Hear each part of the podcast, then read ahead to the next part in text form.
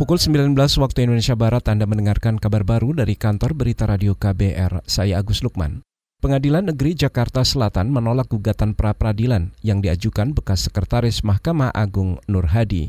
Nur Hadi menggugat statusnya sebagai tersangka dalam kasus dugaan suap dan gratifikasi pengurusan perkara di Mahkamah Agung pada tahun 2011 hingga 2016. Hakim Tunggal Pengadilan Negeri Jakarta Selatan Ahmad Zaini menyatakan penetapan Nur Hadi sebagai tersangka oleh Komisi Pemberantasan Korupsi KPK telah sah secara hukum. Ingat Undang-Undang 8 tahun 81 tentang Undang-Undang nomor 30 2002 untuk Undang-Undang 19 tahun 2016 tentang KPK, Permen nomor 4 tahun 2016 serta pasal-pasal dari peraturan perundangan yang berkaitan yang berkenaan dengan perkara ini, mengadili dalam eksepsi, menolak eksepsi termohon seluruhnya, itu tadi saudara Hakim Tunggal Pengadilan Negeri Jakarta Selatan Ahmad Zaini.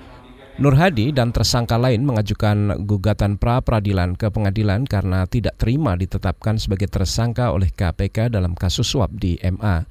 Nur Hadi diduga menerima suap dan gratifikasi dengan nilai hingga 46 miliar rupiah. Dalam perkara ini, KPK juga menetapkan menantu Nur Hadi yaitu Reski Herbiono dan Direktur PT Multikon Indrajaya Terminal Hendra Sunyoto sebagai tersangka. Kita ke Jawa Timur. Saudara Kejaksaan menuntut pelajar ZA berusia 17 tahun dengan hukuman satu tahun dititipkan di Lembaga Kesejahteraan Sosial Anak Darul Aitam di Wajak, Kabupaten Malang, Jawa Timur. ZA merupakan terdakwa kasus pembunuhan begal. Jaksa mengabaikan pasal pembunuhan berencana dan pembunuhan. Jaksa menyatakan pasal pembunuhan berencana tidak terbukti selama persidangan.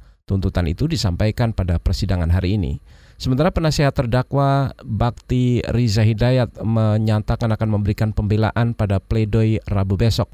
Menurutnya terdakwa harus dibebaskan karena membela diri dari ancaman pembegalan. Onslah van Reh Vervoglik lepas dari segala tuntutan hukum.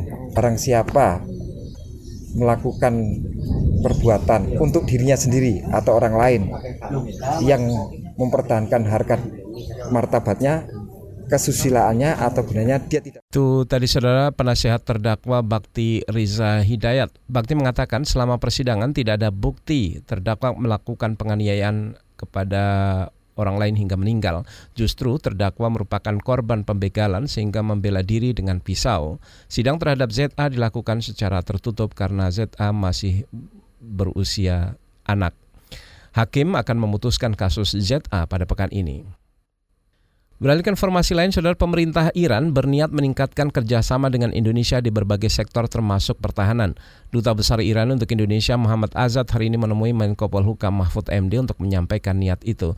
Rencananya Duta Besar Iran juga ingin bertemu Menteri Pertahanan Prabowo Subianto.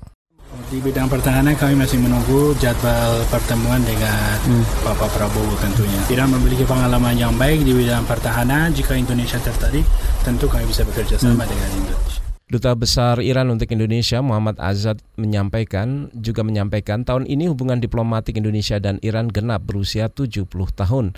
Azad juga menyampaikan kepada pemerintah Indonesia bahwa negaranya tidak menginginkan perang di tengah memburuknya hubungan Iran dan Amerika Serikat. Demikian saudara kabar baru dari KBR, saya Agus Lukman.